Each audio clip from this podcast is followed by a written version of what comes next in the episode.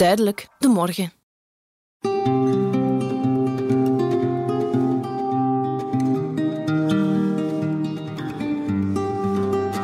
Iedereen voelt zich wel eens slecht en we kennen allemaal de goede en de kwade dagen. Maar soms is het anders. Dan blijft het niet bij één slechte dag of bij één piekermoment, maar dan sleept het dagen, weken en zelfs maanden aan. En wat is je slecht voelen? Geen zin hebben, geen energie hebben, emotioneel zijn, neerslachtig zijn. Ik kende al die gevoelens wel, maar toen ik op 1 juli 2008 wakker werd, was het toch nog anders. De wereld rondom mij leek veranderd en toch ook niet. Het was alsof ik alles van op een afstand zag en me daar heel bewust van was. En dat was raar, heel raar. Het zorgde ervoor dat ik naar mezelf ging kijken van... Wat is dit? Ben ik gek aan het worden? Ben ik dit wel? En dat rare gevoel gaf me een uitzonderlijk slecht gevoel. Zo slecht had ik me nog nooit gevoeld. En ik werd er bang van, heel bang. Het leek wel of iemand anders aan het stuur zat in mijn hoofd en dat ik, de echte Maite, was weggeduwd. Anderhalf jaar heb ik vrijwel dagelijks gevochten tegen dat slechte gevoel. En als dan bijvoorbeeld mijn mama zei: Ja, we hebben allemaal zo'n slechte dagen, dan dacht ik: Nee, dit is echt anders. Je weet niet waarover ik het heb. Er is iets fundamenteel veranderd in mijn hoofd. Ondertussen hield ik de façade op naar de buitenwereld toe en was ik mijn vriendelijke zelf, maar binnenin was ik radeloos en vooral machteloos. Na anderhalf jaar zoeken kwam ik terecht bij psychiater Piet Nijs, die erin slaagde om met therapie die donkere nacht weer te doen opklaren.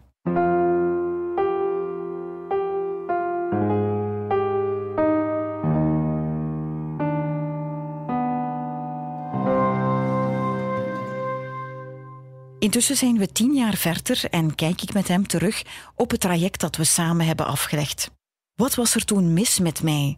In de vorige afleveringen werd duidelijk dat het geen burn-out was, geen depressie, geen borderline, wel een lichte angststoornis, maar dan als bijverschijnsel. Wat was dan wel de juiste diagnose van die toch wel rare klachten? Want het moest naar mijn gevoel iets heel uitzonderlijks zijn, dat bijna niemand had. Ik legde dus de vraag aan hem voor. Ja, je lijkt precies niet te beseffen dat alle mensen uitgeput kunnen worden. Hoezo? Wat mhm. wil je daarmee bedoelen? Ja, de draagkracht van alle mensen is beperkt. Zoals er op een vrachtwagen staat wat het draagvermogen is, zo is dat bij elke mens ook. Bij iedereen? Iedereen heeft een beperkt draagvermogen en een beperkt capaciteit om te verwerken wat er op hem afkomt. Ja, en waar wilt je nu naartoe? Dat het ook bij mij op een bepaald moment te veel is geweest. Dat het te lang te veel is geweest. En dat dus het draagvermogen te zwaar belast is geworden, zodanig dat de draagkracht het heeft begeven. En hoe noemt je dat dan? Dat is, dat is gewoon uitgeput zijn. Ja, elke mens heeft een vitaal vermogen, hè? een elan. En als dat niet in goed evenwicht is tussen inspanning en ontspanning, dan gaat zowel het lichaam als de ziel vermoeid geraken. En als die vermoeidheid niet gezond kan recupereren door een gezonde leef- en werkstijl, dan kan dat leiden tot uitputting. Als je dus te veel energie uitgeeft, gaat je in de rode cijfers terechtkomen, zoals je wanneer je financieel kapitaal slecht beheert, gaat je ook daar in de rode cijfers terechtkomen. De vraag die ik me dan meteen stel is is er dan een verschil tussen moe zijn en uitgeput zijn? Want ik had wel bepaalde symptomen die ik daarvoor niet had. Dus er is toch wel een verschil. En, waar zit dat verschil dan?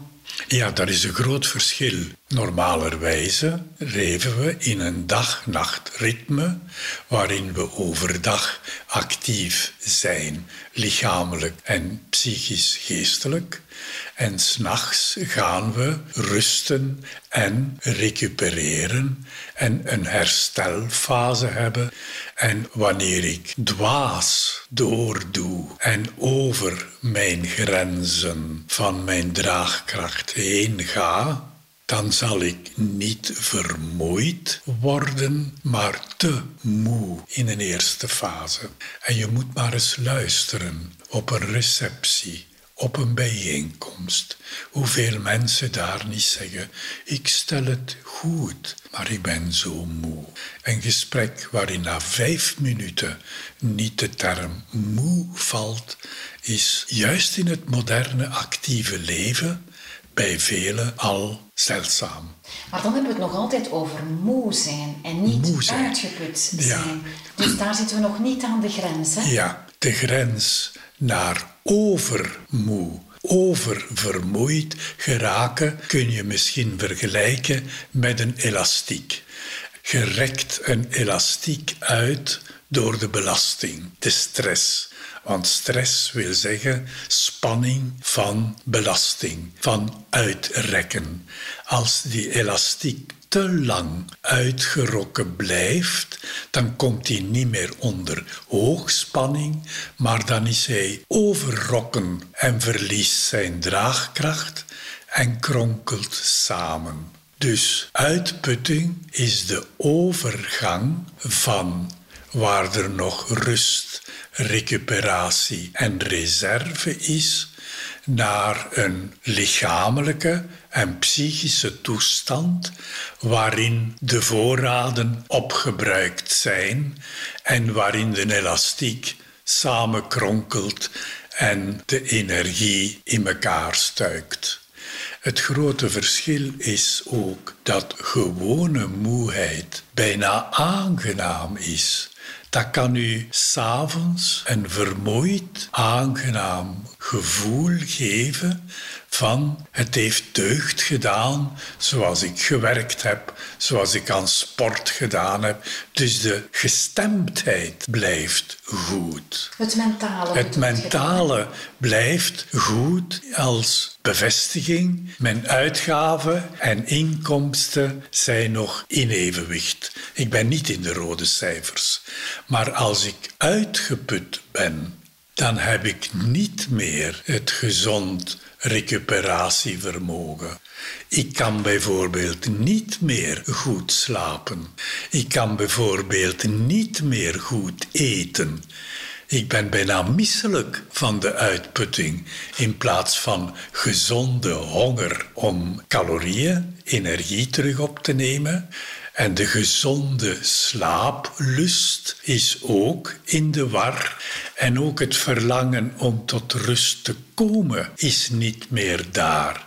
Het is zoals oververmoeide feestvierders die s morgens ook niet om vier, vijf uur kunnen stoppen en die kunnen niet slapen. Het deuntje van de muziek gaat dan juist beletten om door te slapen. Dat is een uitputtingstoestand waarin dus lichamelijk, fysiologisch en psychologisch het overhoop komt te liggen. Ja, want de bedenking die ik mij nu maak, het rare is dan toch dat in zo'n toestand uw lichaam zou moeten zeggen van kom slaap maar, het gaat u goed doen. Terwijl zodra je in die fase komt, kunt je niet meer slapen. Dus uw lichaam kan zichzelf dan precies ook niet meer herstellen. Of zie ik dat verkeerd? Nee, uw lichaam heeft op tijd gezegd, nu moet je slapen. Maar je bent erover gegaan. Maar je bent erover gegaan. Ah. Men heeft niet geluisterd naar de signalen van het lichaam. Ja, ja, ja, oké. En een van de belangrijke aspecten die bij te lange inspanning, te lang gespannen bezig zijn, mentaal en fysiek, is dat ons lichaam ook signalen geeft, pijnsignalen, die er u zouden moeten opwijzen. Hier protesteert het lichaam. Uitputting gaat daarom bijna altijd gepaard met, als het geestelijk is, koppijnen, nekpijnen, van zich gespannen als een bison toch door te zetten, rugpijnen van toch overeind te blijven als men zou moeten rust nemen. Dus het miskennen van terugkerende of chronische pijnen die er waren, maar waar men niet heeft naar geluisterd, of die men het zwijgen oplegt met pijnstillers of met ontspannende medicatie, tranquilizers, is bijna zeer frequent Ik kon me helemaal vinden in de uitleg over uitputting. Ik had me toen inderdaad een elastiek gevoeld die overrokken was en die zijn draagkracht was verloren. Ik had zes jaar lang meegewerkt aan een radio-ochtendshow. Ik moest dus elke dag om vier uur opstaan. En ik was soms misselijk geweest van vermoeidheid. Ik had hoofdpijn gehad. Ik begon slecht te slapen. Ik moest soms in de auto vechten tegen mijn slaap. Maar toch deed ik altijd maar door. Mijn lichaam had dus signalen gegeven, maar ik had ze genegeerd. Ik had de pijn verbeten omdat ik dacht dat ik het wel aankon. Er werken zoveel mensen in shiften, er slapen zoveel mensen te weinig. Dus ging ik ervan uit dat ik dat ook kon en dat ik gewoon moest doorbijten. Er was natuurlijk ook een andere reden waarom ik bleef doorzetten en niet had geluisterd naar mijn lichaam. Men doet het werk graag. Dat is enthousiasmerend. Allee, dat geeft bevestiging, erkenning. Ik ben in mijn element. En dan toch moeten wijs genoeg zijn om te kunnen luisteren naar het natuurlijke ritme. Ook al lijkt het soms dat veel mensen dat precies spelenderwijs aankunnen. Die triomfantelijk zeggen: met vier uren slaap kom ik toe. Er zijn misschien zeldzame uitzonderingen, witte raven, maar dat zijn zeer zeldzame. Als we bijvoorbeeld kijken naar piloten die ook vaak lange afstandsvluchten doen met het door elkaar halen van het dag-nacht-ritme, die kunnen een aantal jaren dit goed blijven foutloos doen, want ze worden geregeld getest, uiteraard. Maar op de middag van het leven is bij de meesten, misschien niet, maar toch bij zeer velen, de vermoeidheid zo groot. Natuurlijk, als ze op raadpleging komen, is men al aan de uitputting toe. Dat je men hebt, wel... piloten als patiënt gehad. Ja, met slaap, doorslaapproblemen en uiteraard als je niet uitgeslapen in het leven staat, dat de concentratie en de zeer snelle reactietijden die hier nodig zijn, niet meer voldoende blijken. Want als ik dit nu allemaal hoor, dan wijst jij toch naar mijn ochtendwerk als grote boosdoener. Hè? Dus dat daar eigenlijk al geknabbeld is aan mijn draagkracht ja, ik zou zeggen dat is een leefstijl of een werkstijl die tegen ons natuurlijk levensritme ingaat. En dat kun je niet blijven doen zonder in de rode cijfers terecht te komen. Dat is een belangrijke factor. Natuurlijk, de draagkracht is van alle mensen niet even groot. En waarschijnlijk is het ook een kenmerk van wijsheid van zijn eigen grenzen te kennen en daarnaar te leven. En ze niet alleen te kennen, maar ze ook te aanvaarden. Dat als ik een tractor heb, dan rijd ik niet met een bolide en dan rijd ik ook niet met een tweepaardje. Maar dankbaar voor het voertuig dat ik heb, rijd ik door het leven en schik mijn leven zo dat ik met mijn capaciteiten en beperkingen goed kan leven. Want het is dan niet zo dat, dat jij bijvoorbeeld vindt dat mensen geen ploegenwerk zouden mogen doen of geen nachtwerk zouden mogen doen? Of zeg je toch van voor iedereen is dat eigenlijk ongezond? Men mag en zal ploegwerk blijven doen.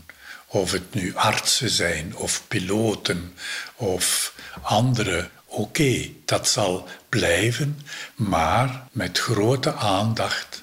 En die is er misschien niet genoeg voor de grenzen van elke persoon afzonderlijk. En ook de persoon zelf is vaak misleid om de grenzen te herkennen. En ik denk dat daar ook weer iets in meespeelt van een maatschappij tot in het sportieve toe, die er altijd op uit is om grenzen te verleggen, grenzen te verbeteren. Of het nu in de sport is, waar er weer een nieuw record gevestigd moet kunnen worden, of het in de persoonlijke tijden is die iemand bij zijn sportprestaties noteert, of het nu in het bedrijf is waar men steeds meer met steeds minder tijd moet kunnen realiseren? Wel, dat rendementsdenken en vooral dat grensverleggend denken, dat is denk ik iets waar de mensen, zonder dat ze het weten, gemakkelijk in misleid worden. Ook daarin voelde ik me aangesproken. Ik ben zeker niet het haantje de voorste type, maar ik ben wel perfectionistisch. Ik wil het goed doen. Of nee, ik wil het beter en misschien zelfs best doen, om toch maar te passen in het plaatje dat de maatschappij van mij verwacht. Een pleaser, zeg maar. En dan ga ik ver, ten koste van mijn gezondheid, zo blijkt nu. Ik ben er me ook van bewust dat ik misschien wel te veel de neiging heb om me te vergelijken met anderen.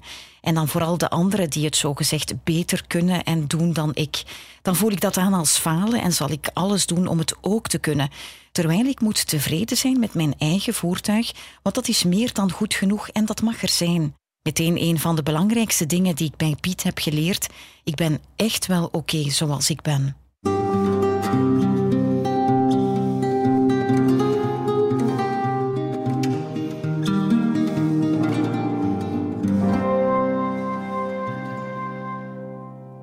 Met de diagnose van uitputting waren we al een heel eind gekomen. Maar er was nog een ander symptoom. Voor mij het belangrijkste symptoom en de reden om professionele hulp te zoeken. En dat was dat mijn omgeving plots zo raar voelde, in zekere zin onbekend voelde, ook al wist ik perfect waar ik was. Het was alsof ik alles van op een afstand zag, een soort ijl, onvast gevoel dat me heel erg beangstigde en me super onzeker maakte. Ik leek wel een vreemde te worden in mijn eigen hoofd. Ik leek rond te lopen in een droomwereld en dat gaf een heel ongemakkelijk gevoel. Op een bepaald moment dacht ik zelfs dat ik gek aan het worden was. Ik vroeg Piet wat dat dan precies was, want dat kon toch niet gewoon uitputting zijn. Wat bij uitputting heel frequent voorkomt, is derealisatie of depersonalisatie. En wat is derealisatie? Dat is het bevreemdende gevoel dat de werkelijkheid niet meer als werkelijk ervaren wordt. Dat ik dus mijzelf, mijn eigen lichaam, dat ik precies toeschouwer word en toekijk op mijzelf hier in de werkelijkheid, die ben ik nu verdoofd, ben ik nu gevoelloos geworden en die werkelijkheid wordt ook zo vreemd anders.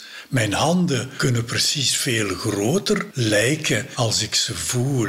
Dus lichamelijke veranderingen. Ook iemand die je ontmoet, die zijn gelaat wordt precies groter of die ogen puilen uit. Dus heel bevreemdende, om niet te zeggen beangstigende ervaringen dat ik ontvreemd ben van mezelf en bij de werkelijkheid. Maar tegelijkertijd voortdurend weet dat ik de werkelijkheid niet meer als werkelijk ervaar. Dat ik het contact er niet meer mee voel. Men zegt altijd houd vasthouden aanraken. Het is precies of er een glaswand tussen is. Dat ik dus afgesneden ben, geïsoleerd in een glazen koei uit de werkelijkheid en toch tegelijkertijd besef dat dat zo is. Natuurlijk gaat men dan denken. Mens, wat is er nu? Ben ik gek aan het worden? Want niemand anders heeft dat niet. Dat is al een zeer grote fout. Alle mensen niet. Maar tenminste de helft van de mensen maken kortere of langere derealisaties door die hen storen. En het is een soort droomtoestand met zijn ogen open. Als ik zeg de helft van de mensen maken dat ongeveer door op een manier dat het hen stoort. En de meerderheid die maakt het gelukkig ook door. Want als we naar een film gaan kijken, dan gaan we op in het verhaal van de film en weten toch dat dat niet werkelijk maar een film is. Dat is dus een derealisatie die niet stoort. Als ik een boek lees en gezellig mij terugtrek in het verhaal en niet kan stoppen en er helemaal in meeleef en in opga en zelfs kan wenen bij de film of bij het boek, toch weet ik, dat is niet de werkelijkheid. Ziet je, dus derealisatie is een capaciteit van de mens om zich uit de brute werkelijkheid terug te trekken. Toen ik de eerste keer bij Piet aanbelde en met een klein hartje mijn symptomen omschreef, was hij de eerste in anderhalf jaar tijd die zei dat hij wist wat ik bedoelde. Hij ging zelfs verder en zei: Je voelt je waarschijnlijk ook zo en zo. En dat klopte allemaal exact. En dat was zo'n opluchting, want eindelijk kon ik het idee dat ik gek aan het worden was, dat er iets grondig mis was met mijn hersenen, een klein beetje aan de kant schuiven. Wat hij nu in dit interview vertelde over derealisatie als capaciteit, dat was nieuw voor mij. Zo had ik het nog nooit bekeken en ik moet zeggen dat ook dat, zelfs nu nog, geruststellend werkt. Ik wou toch nog even ingaan op derealisatie als stoornis, omdat ik het vooral ervaarde bij het kijken naar dingen. Dus ik vroeg mij af of de uitputting mijn visueel vermogen had aangetast. Ja, de uitputting brengt eigenlijk mee dat uw waarneming niet meer goed functioneert. Visueel dan? De waarneming. Ja. Onder andere visueel. Ja, waarnemen wil zeggen dat je actief genoeg bent om de indrukken die de werkelijkheid op u maakt, om die waar te nemen, actief tot een waarneming. Ik neem de prikkels van die muur voor waar als de muur van deze kamer. Gedaan. Meer sta ik daar niet bij stil. Dat behoort tot de waarneming van deze kamer. Als ik dus zo uitgeput ben dat ik niet meer de kracht heb, de energie om constructief goed waar te nemen, dan kan dat in dat opzicht als een droomwaarneming. Het is niet slapen, het is tussen dromen en waken in en slapen in, dat men zo dus flarden, stukken waarneemt. En hoe gewoon en gezond dat dat ook weer is, wil ik er toch weer aan toevoegen. Als we zo opgaan in muziek, of het nu in religieuze muziek is, waar men in trance kan komen, of allez, hoeveel jonge mensen komen niet in trance bij het optreden. Dat is ook een vorm van derealisatie. Men weet het, het idool is een idool. Maar men gaat zo in trance op dat men zich ook gek gedraagt en gewoon. Maar ik denken, het verschil daar is, is, je hebt het onder controle of je weet dat je daar in trance gaat. Maar ik had het voortdurend. En vooral, ik weet nog, ik kon op een bepaald moment de visuele prikkels ook niet meer aan. Eigenlijk is dat weer een gezond mechanisme, hè? zoals derealisatie ook een gezonde vluchtmanoeuvre is. De werkelijkheid is te zwaar geworden. Ik moet uit die werkelijkheid terug kunnen. En een van de mechanismen is inderdaad de prikkels. Het geluid is te luid, het licht is te scherp, de kleuren zo weg is een beschermingsmaatregel. En in dat kader is het toch nog weer goed om eens eraan te herinneren. Dat komt frequent voor bij uitputting. Mensen die aan verlof toe zijn, hebben dat toch zeer vaak de eerste morgen of dagen in het vreemde hotel, dat het ook even beangstigend onwerkelijk is tussen slapen en waken. Waar word ik wakker? Of die andere geluiden en geuren die daar zijn. Dus dat daar ook een derealisatiebeleving is. En men staat op toch en gaat naar beneden en gaat precies naast zichzelf de trap af het eerste zicht ook weer. Een depersonalisatie,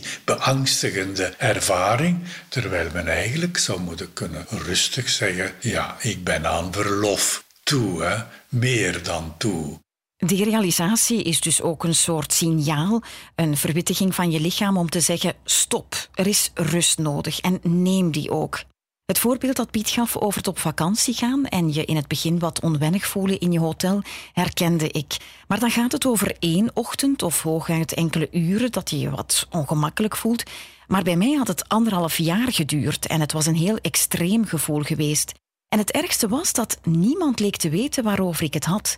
Mijn omgeving niet, maar ook de psychologen die consulteerden, verwezen me telkens door omdat ze niet wisten wat ik bedoelde.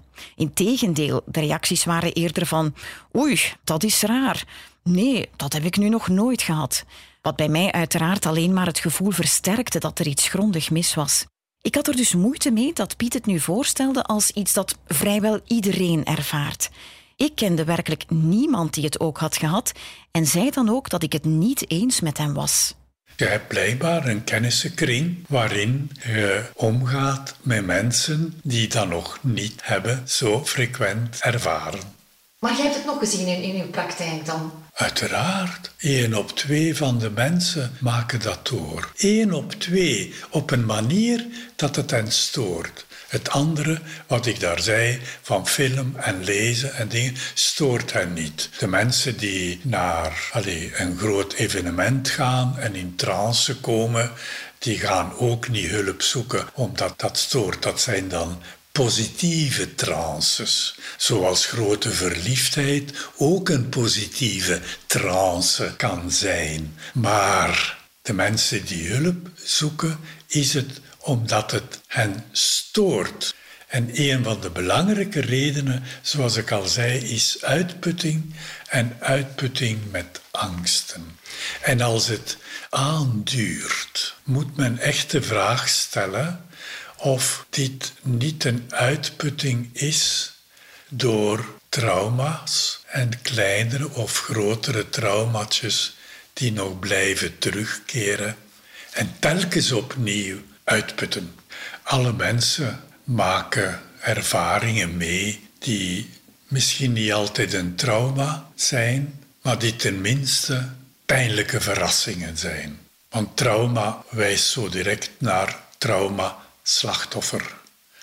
Maar een trauma wil toch zeggen de confrontatie met een doodsbedreigende lichamelijk gevaarlijke ervaring kankerdiagnose, overval of het dodelijk verlies van een droomverwachting, om het zo te zeggen. En dat zijn misschien wat men zou kunnen noemen en ook zo noemt, eerder soft trauma's.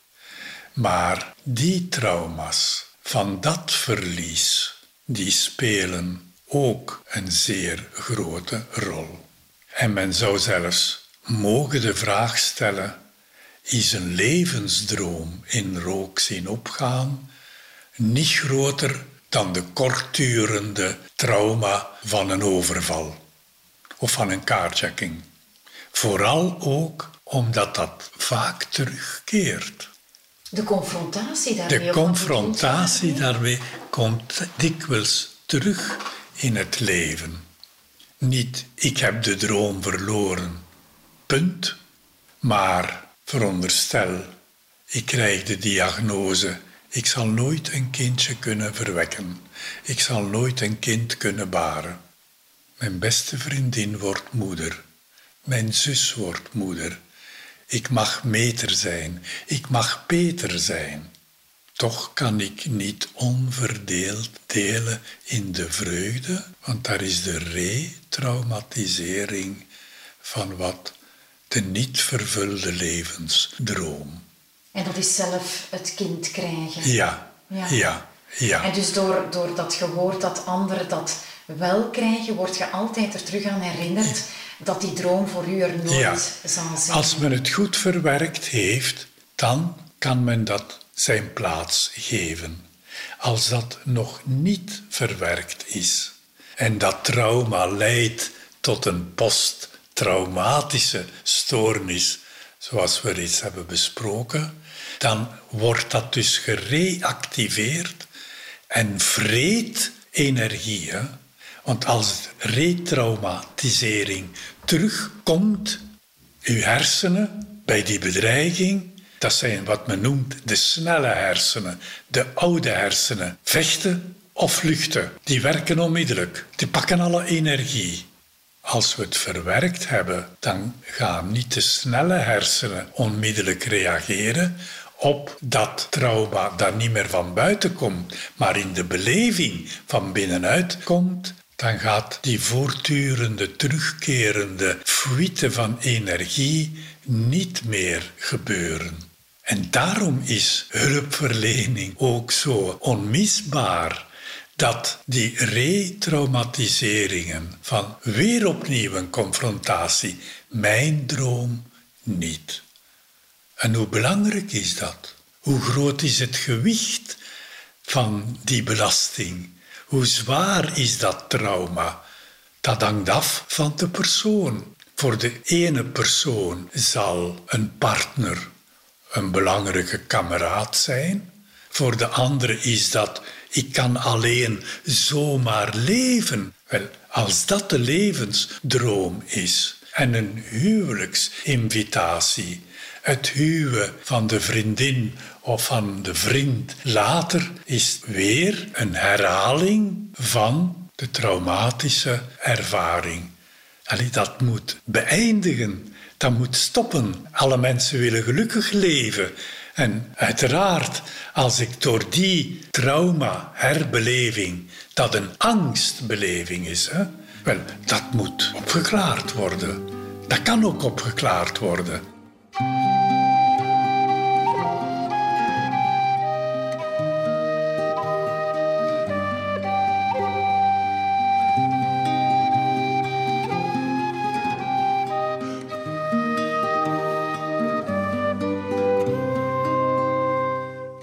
Toen ik tien jaar geleden bij Piet aanklopte, zag ik vooral het probleem van de derealisatie. Ik wist totaal niet van waar dat plots was gekomen en wou er een verklaring voor hebben. En die kreeg ik nu.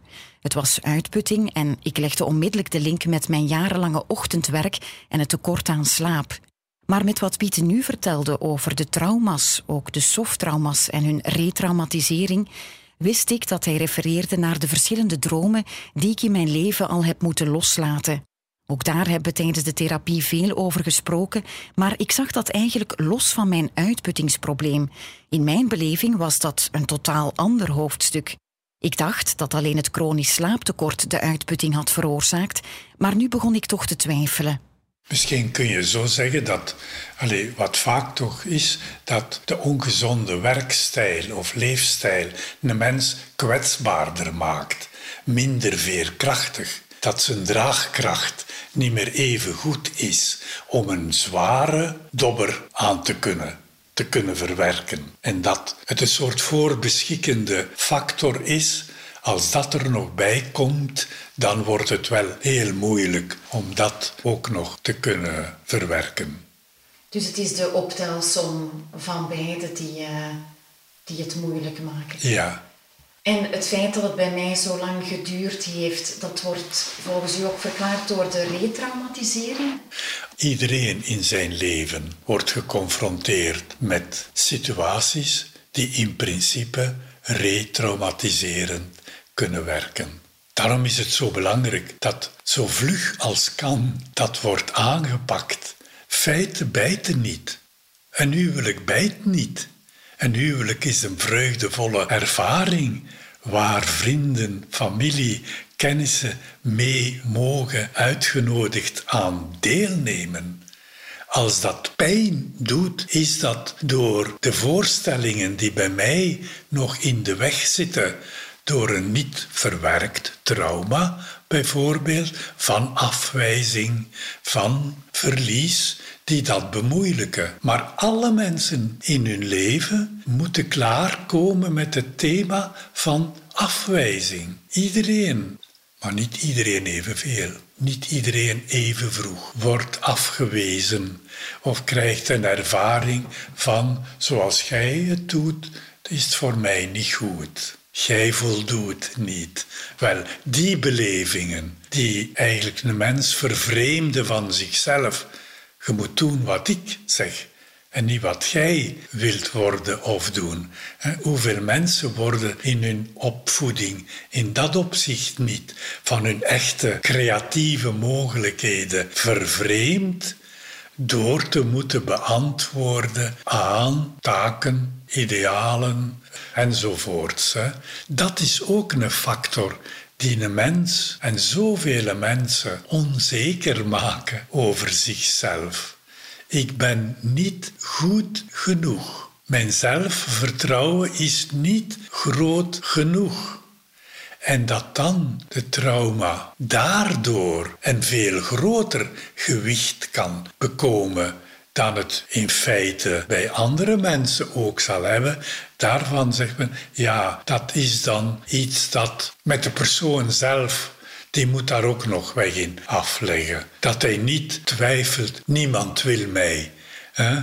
Ben ik wel aantrekkelijk? En kijk maar hoe het tindert op Tinder. Hoeveel gaan daar naartoe met de triomfantelijke overtuiging. Ik ben benieuwd te leren kennen de gelukkige die mij gaat vinden. Kommer en kwel bij velen. Hè?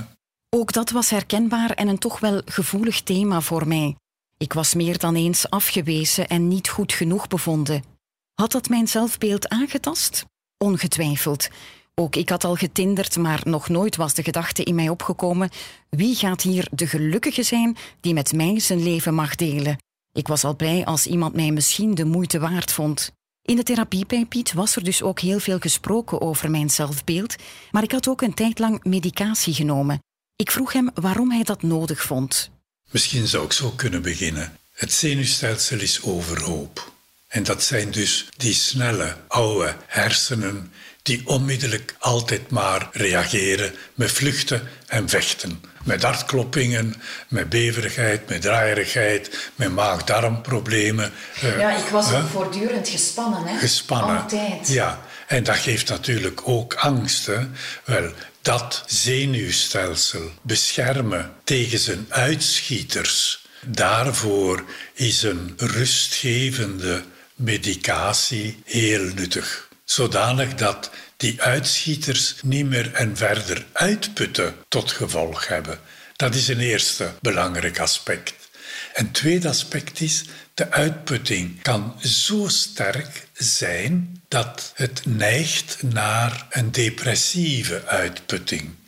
Dan is er niet alleen een rustgevende medicatie nodig, maar ook een lichtmatig antidepressieve medicatie, omdat uw neurotransmitters voor de stemming ook uitgeput zijn geraakt. Als je slecht gevoed hebt, krijg je ijzertekort en word anemisch. Als je in zo'n toestand zijt geraakt, geraakt je ook uitgeput qua neurotransmitters voor in goede stemming te zijn. Als je niet in stemming bent, dat is beangstigend. Dan zij je altijd met die vage, vrije, al diffuse angst confronteerd. Dus daarvoor is dat ook nodig.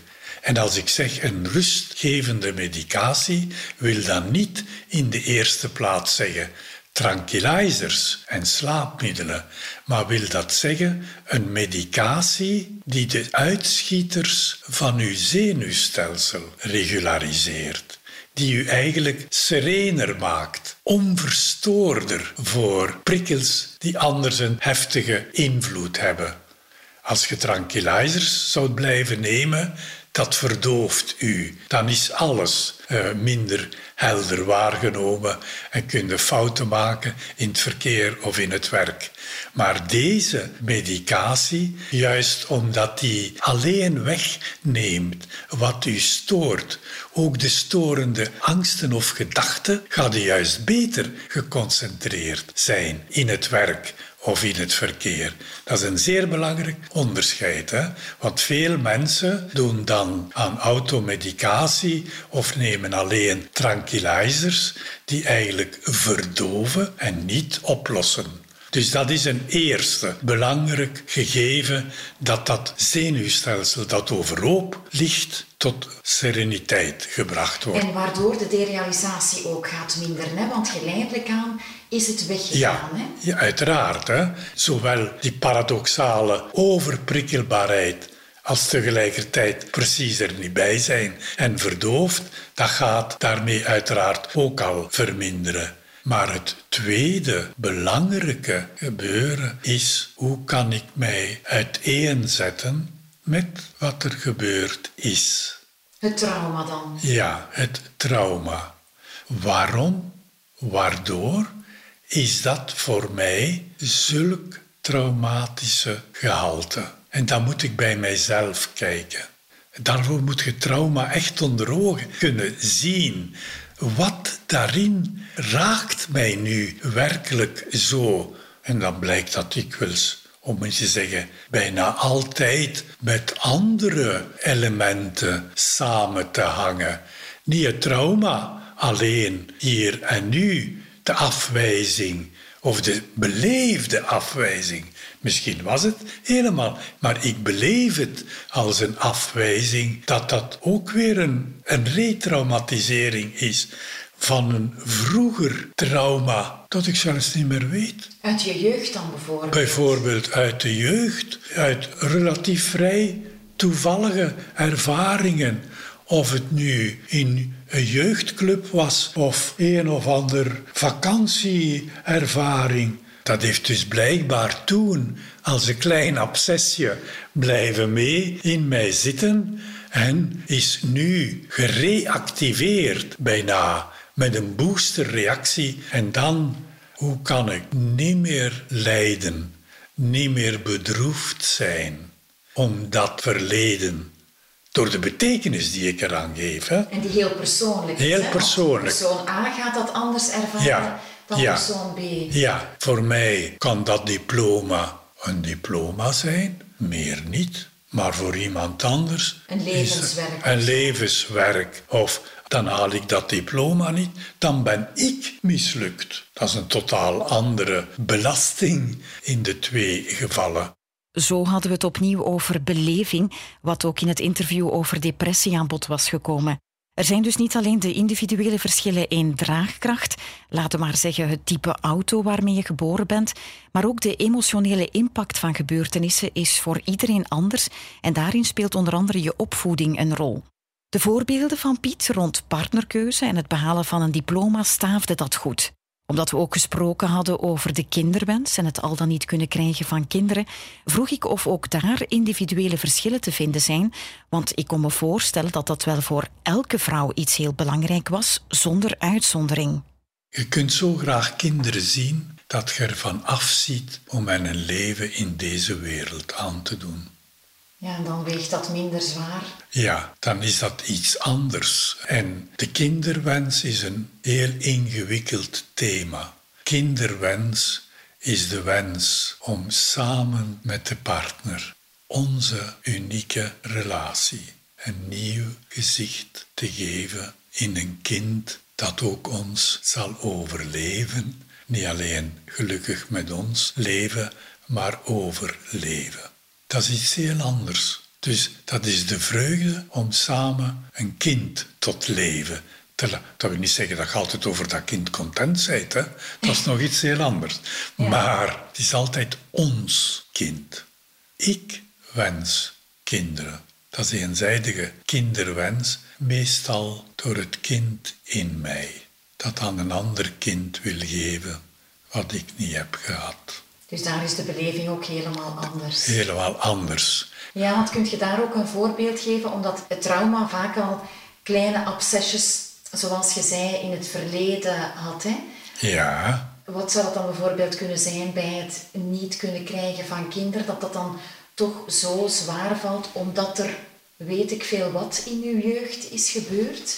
Ja, maar heel eenvoudig. Als ik het gevoel heb dat mijn moeder mij niet graag genoeg zag, niet met mij bezig was, altijd met haar carrière bezig was, zelf mij als een regentes behandelde en heel alles goed geregeld, gedrild, klas thuis. Geen thuis, maar klas thuis had, hè? dan kan ik een kinderwens hebben om de moeder te kunnen zijn voor een kind die ik zelf niet gehad heb. Zoals een aantal mannen ook een kind willen om de vader te zijn die zij gemist hebben. Ja, dat is wel duidelijk. Maar geen gezonde kinderwens, hè? Nee, nee, nee. Dat is een probleemoplossing, hè? De mens dient daarvoor niet, hè? Dan ben ik uit mijn depressie als ik een kind heb. Kind is geen antidepressivum, hè? En dat is heel vaak. daar- Ook, ook in partnerrelaties. Een beetje de compensatie dan zoeken of de oplossing zoeken. dan. Ja, ja. En kunt je dat met een voorbeeld illustreren? Het gebeurt nogal dat mensen elkaar leren kennen terwijl er één in de put zit, of in moeilijkheden zit, of in een uitzichtloze situatie zit. En men gaat die redden, die verlossen, die helpen. Of als ze allebei in de put zouden zitten, of in problemen, en elkaar gaan helpen. Partnerrelatie is geen zelfhulpgroepje met z'n twee. Een partnerrelatie is toch een liefdesrelatie waarin de ontdekking, de ervaring van de ander zo mijn horizon opent dat het laten worden, de erkenning van het gij, zo'n openbaring is dat wij samen meer onszelf, ons unieke eigenschappen en talenten kunnen verwerkelijken. En als men daar kijkt, denk ik inderdaad dat er veel partnerrelaties mislopen, omdat men de ander uit een depressie of uit een probleem of uit een trauma wil bevrijden. Daarvoor is therapie nodig.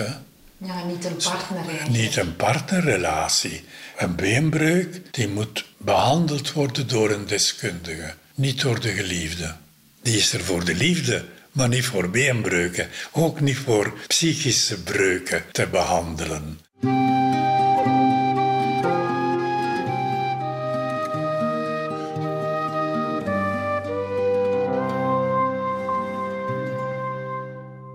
Het is dus heel belangrijk om hulp te zoeken, ook bij de zogenaamde softtrauma's, want anders blijven ze in de weg zitten en kan je niet ten volle leven. Misschien moest ik de derealisatie die ik had gehad wel dankbaar zijn, want zonder dat symptoom had ik nooit professionele hulp gezocht en die bleek toch wel nodig. Niet alleen om van die derealisatie af te geraken, maar ook om de softtrauma's te verwerken, die uiteraard ook ik in mijn leven heb ervaren. Intussen ben ik door Piet al enkele jaren genezen verklaard, maar toch heb ik het gevoel dat die derealisatie nog regelmatig om de hoek komt kijken en dat ik er dus niet volledig vanaf ben. Soms is er een flits, dan voel ik het weer en word ik bang. Ik heb dat vooral nog als ik op reis ga of op nieuwe vreemde plaatsen kom. Maar het kan ook gewoon in mijn dagelijks functioneren gebeuren, op het werk of bij vrienden. Dus is het dan toch niet helemaal weg? Wel, dat er langere tijd een voorzichtige, soms bijna angstige ingesteldheid is voor dat type angst, namelijk derealisatie, dat is ook goed, hè? Ah, vind je dat? Ja. Maar- Want dat stoort mij toch, vind ik. Eigenlijk moet je misschien dan nog wat meer afstand daarvan kunnen nemen om te kunnen zeggen: ja, ja, ik moet weer even kuchen. Maar dat is niet meer de hoest van mijn tuberculose. Maar een kuch blijft voor mij anders dan een kuch voor iemand anders. En daar moet ik Iemand. me bij neerleggen, Niet bij neerleggen, blij om zijn.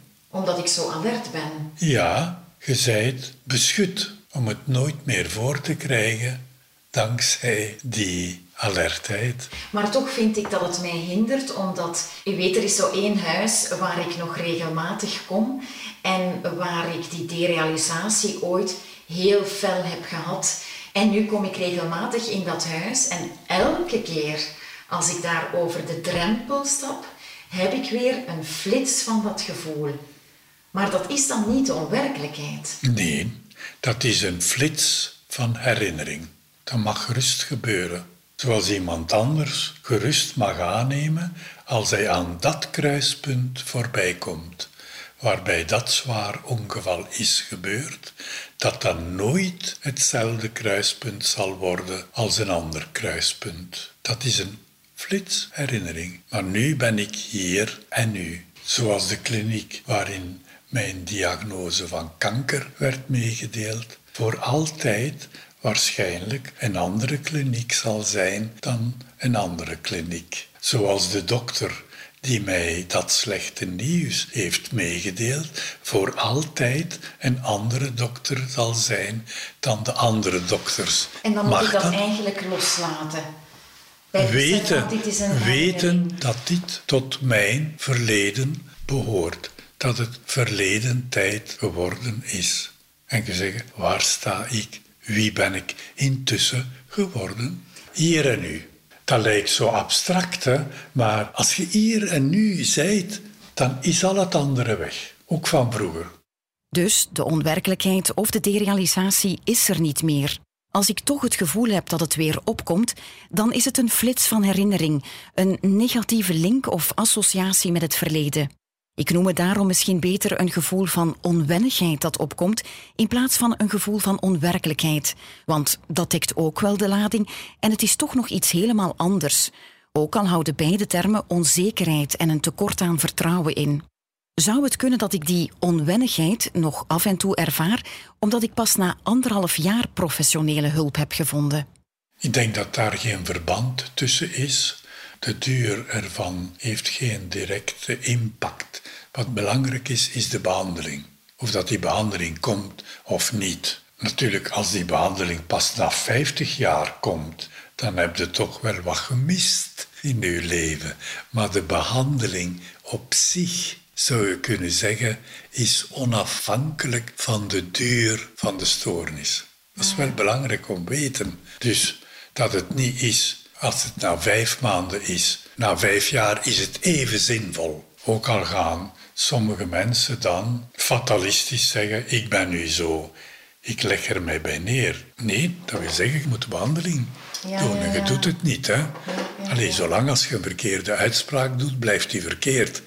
Totdat je ze afleert. En een andere vraag die ik nog wou stellen was: Jij hebt mij nooit thuis gezet hè? of thuis geschreven. Terwijl bijvoorbeeld nu mensen met een burn-out, ik hoor vaak dat die een maand of maanden thuis zijn. En mag ik dat zeggen, dat ik daar soms een beetje jaloers op ben, omdat ik was zo op en ik had die, die derealisatie ook heel erg op mijn werk. Dus elke dag moest ik daardoor en werd ik daarmee geconfronteerd. En toch heb je ervoor gekozen om mij uh, in mijn dagelijks leven te houden. Was het niet beter geweest als ik er toch ook eens drie maanden tussenuit was geweest? Je kunt dat niet veralgemenen. Elke behandeling is een totaal individuele weg. Telkens opnieuw afgewogen kan die stap gezet worden. Is het veilig genoeg? Is de draagkracht al groot genoeg of niet? Wat zijn grote, heel grote regels voor een goede behandeling? Een eerste grote regeling is: de mens kan een behandeling en zich uiteenzetten met wat er gebeurd is, maar goed aan als hij telkens opnieuw terug uit de confrontatie in de werkelijkheid kan. En werk houdt u in de werkelijkheid. Dat is dus een ruggengraat, een agenda. Ook voor mij. Die u in de werkelijkheid houdt, ook al kost dat een grote inspanning. En Waarschijnlijk met het vertrouwen, dat moet men individueel afwegen. Ja, de draagkracht kan dat aan, hier kan dat niet aan. Bij een aantal mensen zal ik ook voorstellen, zelfs als ze wensen, nee, niet gaan werken nu. De werkenergie kan er niet bij. Je zei werkwillig, maar werk onbekwaam. Ja. Ik heb werkbekwamen die werkonwillig zijn.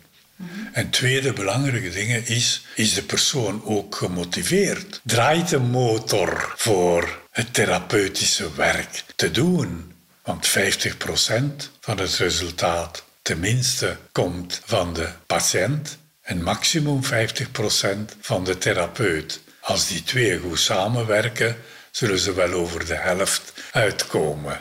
Dus de motor, de motivatie, de drive, het willen worden. En die was sterk aanwezig. Bij mij dan? Ja. ja. En dan een derde belangrijk aspect is ook wat men zou kunnen zeggen, de bereidheid om dingen onder ogen te zien. Zo de bereidheid, wat zou er nu toch kunnen zijn? Je hebt ook met, ja, maar daar moeten we het niet over hebben, daar heeft het niks mee te maken.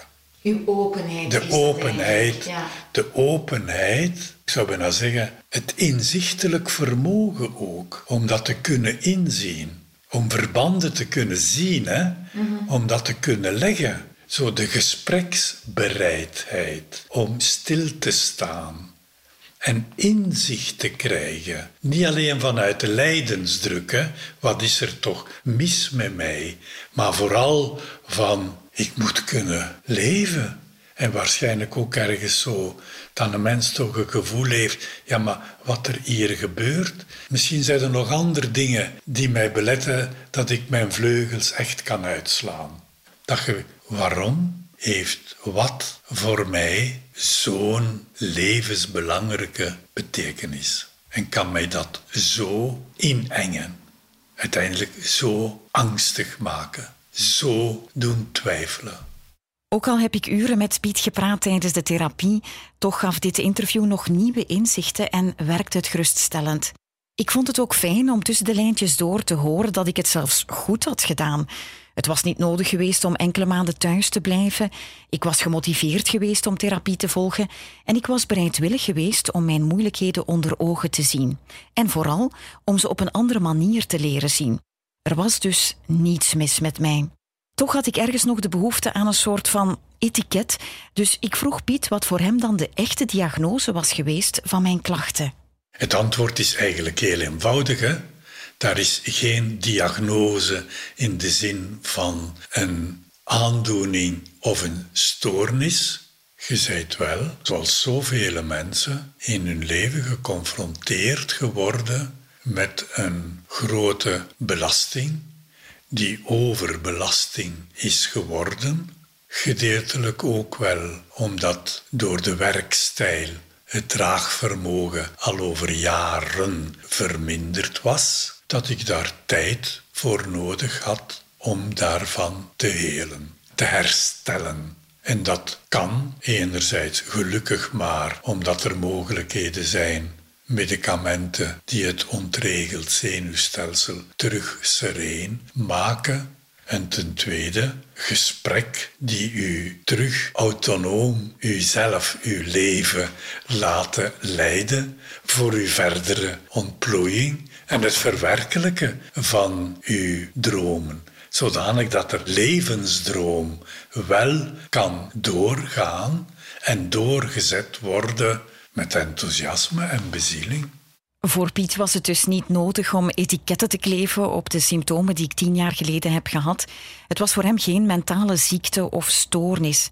Ik vond het ook best een opluchting dat ik het mocht zien als een belasting en levensmoeilijkheden waar iedereen wel eens mee geconfronteerd wordt. Alleen was het bij mij iets te ver gegaan, wat zorgde voor uitputting en de daarbij horende derealisatie. Aan het einde van elk interview had ik Piet gevraagd om de stoornis die we hadden besproken te vergelijken met een huis. Ik vroeg of hij dat ook nu kon doen, ook al was er in principe geen sprake van een stoornis. Het huis is dus niet verstoord, vertoont geen barsten in de muur. Maar het huis als groter thuis van mijzelf was toch wel wat verwaarloosd en was niet meer even goed verzorgd volgens het dag-nachtritme. De rolluiken waren niet op als het hoefde, of waren toe, om het in die zin te zeggen.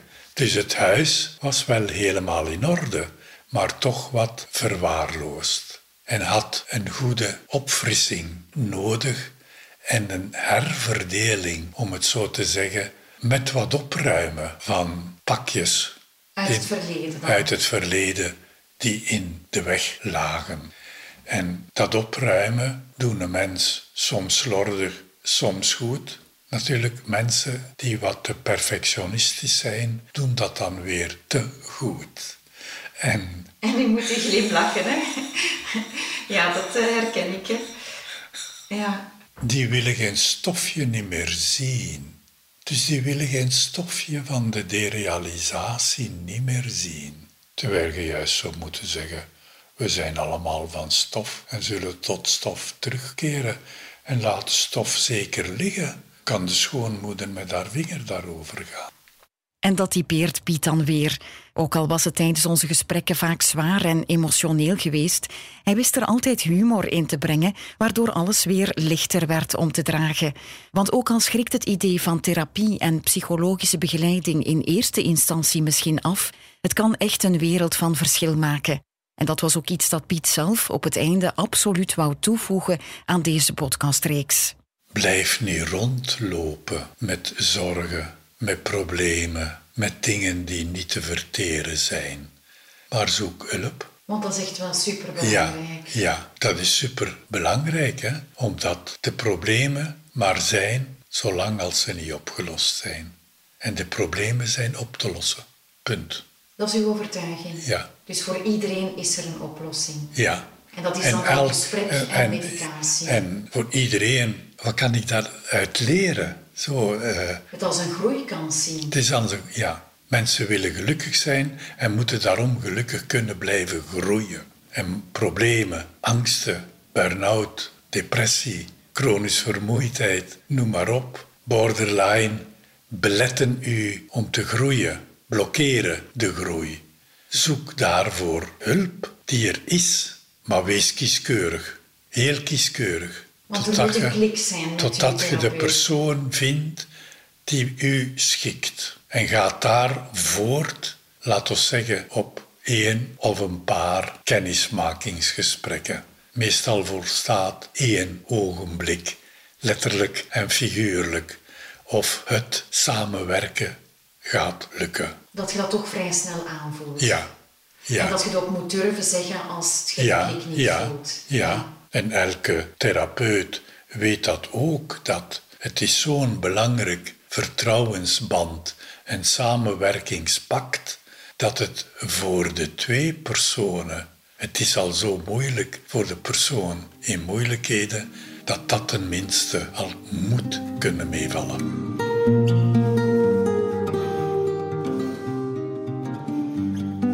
Dit was de vijfde en laatste aflevering van de podcastreeks Wat is er mis met mij? Waarvan we de titel intussen mogen veranderen in Er is niets mis met mij. Ik ben Maite Goossens en maakte deze reeks op basis van wat ik zelf tien jaar geleden heb meegemaakt. Ik kan professor psychiater Piet Nijs niet genoeg bedanken voor zijn tijd en inzichten. Ook Jannik de Marsin verdient hier een eervolle vermelding, want hij zorgde telkens weer voor de perfecte eindmontage. Mijn vader, Toon Goossens, schreef de muziek en speelde ze in met Jeroen Delft. En dan is er nog mijn ongelooflijk creatieve nichtje Ilja van den Broek, die de cover voor deze reeks ontwierp en tekende. En dan wil ik toch nog een aantal mensen in het bijzonder bedanken voor hun supporterwerk en hun kritische feedback. Dat zijn mijn mama, Nadia van Kamp, mijn zus Eva en mijn broer Aart, mijn goede vriendinnen Chris, Sylvie en Hilde, uiteraard ook Team Anna en mijn run buddies. En ook dank aan jou om al deze afleveringen geduldig te beluisteren.